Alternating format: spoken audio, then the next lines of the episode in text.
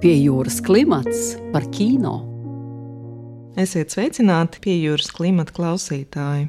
Atzīmējot 25 gadus, kopš uz ekrāniem iznāca Denija Boila filma Vilcienu vakta, šodien raidījumā pievērsīsimies kādam seriāla jaunumam, kur arī dzan titulomā redzams Joens Magregors. Leģendārā Vilcienu vakte un nu pat kā Netflix platformā iznākušais seriāls Halstons iezīmē gadsimta ceturksni, kurā Makgregors sevi apliecinājis kā viens no spilgtākajiem britu salu aktieriem. Tātad, kā tas viss sākās? 1993. gadā klajā nāca Ērvina Velša romāns Vilcienvakte. Gadu vēlāk uz ekrāniem parādījās Denija Boila filma Seklais kaps ar jauno skotu aktieru Joenu Makgregoru vienā no galvenajām lomām. Režisora un aktiera sadarbība turpinājās, un vēl pēc diviem gadiem tapa Velša romāna ekranizācija. Vilciena vaktes kino versija ar Makgregoru, narkomāna Marka Rentona lomā nogranda kā sprādziens jauniešu apziņā. Deju klubos un reivos, kurp Puiši turpmāk devās tarpušies kā rentons, šauros džinsos, īsiem matiem un sporta apavos ar svītrām. Neiztrūkstoši skanēja Undervalda kompozīcija Born Slippy, bet sapņiem, kā parastiem, tā halucinogēniem piemita Brian Eno Deep Blue Day meditatīvā noskaņa. Denija Boila radītā heroīna atkarīgo pasaule, kurā saplūda Edinburgas ielu brutālā faktūra, narkomānu mitekļu smārts, apsistences mūrgi un jaunības maksimālisms līdztekus ideālismam, bija perfektās sastāvdaļas kulta filmai. 25 gadus vēlāk Makgregors atkal iejūtas nakts dzīvnieku lomā. Šoreiz heroīnu nomainījis kokaīns un Edinburgas smirdošās dzertuves, Ņujorkas klubs Studio 54. Šo pavasaru, 30 gadus kopš grāmatas vienkārši Halstonas iznākšanas, Netflix platformā redzama tās ekranizācija piecās sērijās. Seriāls Halstons izstāsta modes dizainera Roja Halstona dzīves gājumu, sākot no bērnības, kuru apēnoja alkoholiķa tēva vardarbība, un karjeras pirmsākumiem cepuru salonā, līdz pat žilbinošajai slavai valkājamās modes industrijā un tās rietam.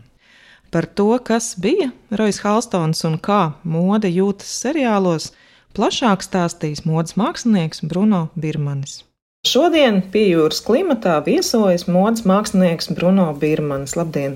Sveiki! Eiropā un pie mums Latvijā modes dizainera Roja Halstona vārds varbūt nav tik plaši atpazīstams kā ASV, ar ko viņš kļuva slavens modes pasaulē. Nu, es teiktu, ka viņš vispār nav atpazīstams. un um, Halstons, patiesībā sakot, arī es par viņu zināju ļoti, ļoti epizodus. Lai gan viņš it kā ir atstājis tādu paliekošu pienesumu Amerikas modēm, bet salīdzinājumā ar tiem dizaineriem, kas parādās seriālā, tur Oskars Delarenta, Bill Blās un vēl daži, tad tas, tas viņa pienesums uz šodienu tāds vairs nav. Bet tajā brīdī, kad viņš, protams, strādāja, nu, es viņu salīdzinātu ar tādu amerikāņu kardēnu, bet tieši tā amerikanizētu kardēnu. Jo viņš visu darīja ar laika nobīdi un arī manā tādā tīri personiskā skatījumā arī ar kvalitātes, es domāju, šajā gadījumā radošās kvalitātes nobīdi. Tāpat laikā ar vaiprātīgu finansiālu handikapu. Pirms um, pāris gadiem turpat Netflix platformā iznāca seriāls Džanī Versačs slepkavība, kurš sākās tieši ar uh, nosaukumā minēto notikumu. Turpretī Halstona scenāristi ir turējušies pie tāda vairāk klasiska narratīva, izsakojot viņa radošajam ceļam vairāku desmitgažu garumā. Kurš jums šķiet veiksmīgāks paņēmiens, ja mēs runājam par personībām, kur mūža gājums nevienam nav noslēpums? Nu, kas attiecās uz abiem gadījumiem, gan Versace, gan Halstone, es domāju, ka tā vēsture ir tāda, kādu mums viņa atnes. Un šajā gadījumā tie atnesēji ir pat nevis seriāli, bet mēdī. Un tāpēc, teiksim, tur tās pretenzijas uz ticamību ir visai nosacīts. Ja runā par principu, tad es domāju, ka brīdī, kamēr vēl ir kāds dzīves no tiem varoņiem, kas piedalās tajā seriālā, tomēr tā ir kaut kāda zināmā vēsturiska atbildība. Un patiesībā sakot arī tiem cilvēkiem, kas veido šos seriālus vai filmas. Piemēram, par Senlorānu ir trīs filmas uztaisītas, no kurām tikai viena ir atzinis viņam modes nams oficiālais, lai gan tā netiek uzskatīta par labāko. Tad, lūk, es teiktu, ka tā versija, kas ir Halstonā, man viņa patīk, man viņa ir pieņemamāka. Vēl vairāk dažus cilvēkus, kas šajā filmā neparādās, bet kas ir, teiksim, tajā visā apritē bijuši, es pats personīgi savā dzīvē esmu saticis. Jā, piemēram, Divine, jā, kas bija Studio 54, vien no viens vai viena tāds mistisks personāžs līderu cilvēkiem. Vēl dažus cilvēkus, ko man izbijusi tā laime Londonā satikt strādājot. Tā kā tas vēsturiskais pieejams, es domāju, es varu pateikt par vēl vienu seriālu, kurš, manuprāt, ir vispiemērotākais, nu, tā visatbilstošāk uztaisīts, un tas ir Made in Italy par to pašu laiku kas ir zīmīgi. Un šis Made in Italy tas ir stāsts par to, kā radās tā itāļu mode, kādu mēs viņu pazīstam šodien. Nevis klasiskā, dārgā, nu, dārga viņa joprojām ir, bet jaunā itāļu mode, nevis tā pēckara vai transformētā pirmskara mode. Biogrāfiskā grāmata vienkārši Halstons, jeb Simply Halston, pēc kuras motīviem ir uzņemts seriāls, nāca klajā jau 1991. gadā. Tas ir gadu pēc uh, Halstona nāves. Un kāda varētu būt iemesli tam, ka Netflix uh, ieinteresējās par šo visai atklāto materiālu tieši tagad, vai tādēļ, jā, ka te jau visi seriāla centrālie tēli nu pat jau ir miruši? Nu, jā, lielākā daļa jo runa tur teiksim, ir par notikumiem, kas norisinājās 60. gadu, nu, faktiski 70. līdz 80. Pēc 80. tur jau vairs viss bija. Jo Halstons tas uznāciens, viņš bija īstenībā ārkārtīgi koncentrēts, īsts, spilgts, kā tāda komēta izdrāzās cauri. Ir jāsaprot tas vēsturiskais konteksts. Atbildi par to, kāpēc Netflix, es domāju, nu, tur ir vairākas atbildes. Pirmkārt, Amerika ir milzīgs tirgus, mode ir ļoti pateicīga tēma, dažādas blakus tēmas, kas tiek risinātas šajā seriālā, ir nemazāk mazāk aktuālas. Un pēdējais, es domāju, arguments ir tas, ka, ziniet, sāk pietrūkt, par ko filmēt. Grib taisīt labas, ticamas lietas. Ja tā nopietni, tad tajā pandēmijas laikā mājās skatāmies dažādas seriālus un dažādas dokumentālās filmas. Patiesībā ir diezgan daudz, un es domāju, ka tas ir ļoti labi, jo tas nostiprina teiksim, kaut kādu nu, patriotismu, jaunatnē tas dod kaut kādu informāciju, izpratni par to, kā veidojas vēsture, dažādus viedokļus. Tas laiks, tie 70, 80, Amerikā un arī visā pasaulē, viņš īstenībā bija ārkārtīgi koncentrēts un patiesībā, ja vispār interesē, kā radās tā kultūras mega platforma, kurā mēs šobrīd dzīvojam, tas attiecas uz visu kultūru, gan uz modu, bet ne tik lielā mērā, cik uz mūziku, to pašu kino, teātris, zināmā mērā, literatūru un tā tālāk. Un tā tālāk. Tad tie 70. un 80. gadi tas bija tas milzīgais tas pavērsienu punkts. Visā pasaulē Amerika mazliet nokavēja, bet pēc tam, pateicoties savam finansiālam milzu blokam, panāca no kā to var uzvīt. Vai Halstons varētu būt signāls, ka e, kādas no tajā redzamajām modes tendencēm šobrīd atgriežas, un vai kino vispār ir bijis pa spēkam atstāt nozīmīgu ietekmi uz modes vēsturi, jeb arī tieši pretēji kino ir pirmais jau esošo jauno tendenču vēstnesis. Tādā filozofijā filozofiskā ziņā vārdam mode var būt divi traktējumi. Un uh, es tagad neatceros, kurš no gudriem ir teicis, ka mode tas nav uh, apģērbs, bet tas ir viss, kas ir ārpus apģērba. Apģērbs ir apģērbs, drēbes ir drēbes un mode ir mode. No šāda viedokļa, teiksim, tā, jautājums par daļām. Pirmkārt, vai mode spējas ir atstāt kaut kādas paliekošas iespējas? Jā, protams, nu, es nezinu, hrestomātiski, piemēram, Givenchy melnā kleitiņa, Audrijas Heberts, ja tur vēl var nu, disko ēras, teiksim, tur krāsainās visas uh, filmas, tur Saturday Night Fever un tā tālāk un tā tālāk. Tajā brīdī, kad kino bija modē, tad mode bija iekšā kino. Taču es nedomāju, ka šobrīd kino vai kino kā kino vai seriāli, kā teiksim, tāds ļoti, ļoti spēcīgi attīstošs platforma šobrīd dažādu iemeslu dēļ kaut kādā veidā spētu ietekmēt, jo nu, ir dažādi citādi sabiedrības un audiences vai auditorijas ietekmēšanas metodas, daudz rafinētākas un krietni lētākas. Seriālā pavīd daudz zināmu personību, vietu, notikumu. Tie ir Gan Halstona tuvi kolēģi, draugi, kā ir otra mākslinieca un modele Elsa Peretti, dziedātāja Laisa Minelli jau minētā Divaina, klubs Studio 54 un paša Halstona ekstravagantais birojs. Kā jūs vērtētu seriāla veidotāju interpretāciju par šo periodu 60. un 70. gadiem Ņujorkā?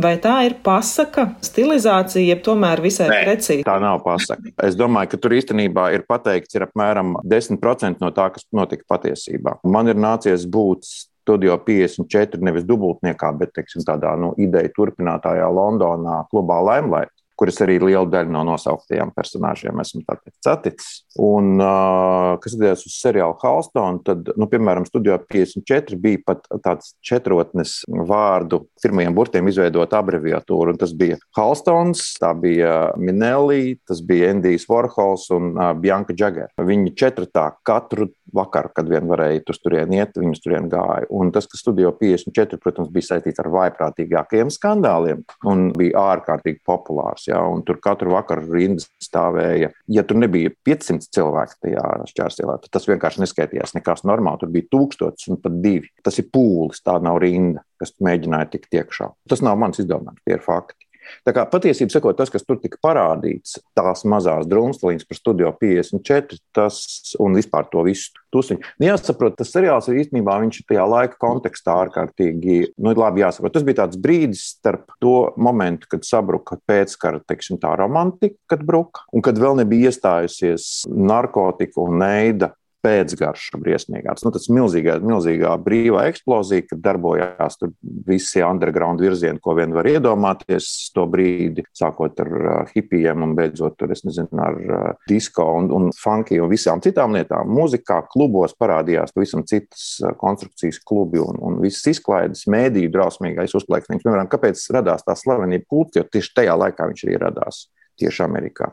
Nu, faktiski Lielbritānijā viņš pārceļ. Tāpēc, ka mēdījiem nebija par ko rakstīt. Un viņiem nācās kultivēt šīs slavenības. Jā, Kalstona seriāls diezgan labā līmenī parāda arī to, kā šīs visas āršķirīgās lietas, kā viņas attīstās, ko viņas prasa no tiem cilvēkiem, un faktiski kā viņas sagrauj tos cilvēkus. Jo būtībā zīmīgs šis seriāls ir ar to, ka viņš parāda ļoti labi, ko nozīmē priekš radošu cilvēku pārdot sevi. Tur ir viens teikums, ko Halstons saka, ja nemaldos, viņš to teica Laizai Minelī, kur viņš saka, nu, kad tajā brīdī, kad viņš tā kā pārdevis jau savu vārdu, slēdzas kā zīmolu nosaukumu, un, un viņš saka, ka viņš patiesībā ir tik ļoti noguris no visa, un viņam tas viss ir tā, nu, piegriezies līdz brošai, kad viņš vienīgais, ko viņš grib, viņš gribētu tagad sapelnīt naudu un tad dzīvot kā mākslinieks. Uz ko skan atbildi, kad faktiski šajā teikumā jau ir milzīgi pretruni iekšā.